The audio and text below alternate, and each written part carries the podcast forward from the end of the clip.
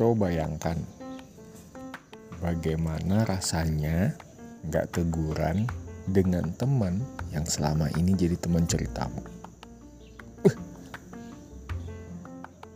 Coba dibayangkan. Tapi ngomong-ngomong, salam jumpa. Ketemu lagi di Teruna Podcast edisi Kamis 17 Juni 2021. Pembacaannya terambil dari kitab Yesaya pasal 59 ayat 1 dan 2. Topiknya pada hari ini katakan tidak untuk dosa. Nah, lanjut nih. Udah kebayang belum bagaimana rasanya gak teguran dengan teman yang selama ini jadi teman ceritamu? Pasti gak enak banget kan ya? Diam-diaman di kelas, selisihan di depan kelas, ketemu di kantin, jalan bareng saat mau pulang. Eh, tapi diam-diaman. Itu sih sebelum pandemi ya, masih sekolah di kelas. Kalau pandemi kan lagi virtual ya. Tapi pasti nggak enak kan ya. Apa sih yang biasanya membuat temanmu nggak mau dengur? Biasanya sih karena menurut teman kamu berbuat sesuatu yang teman gak suka.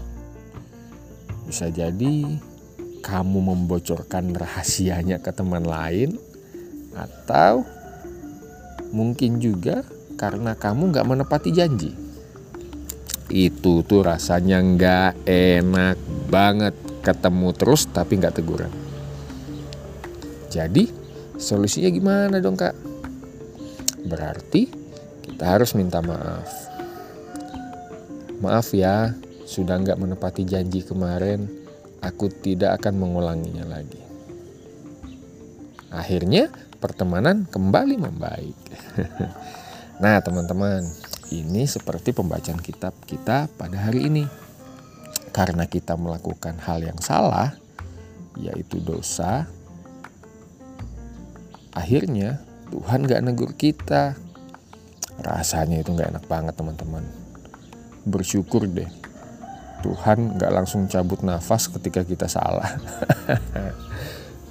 Jadi solusinya gimana dong kak?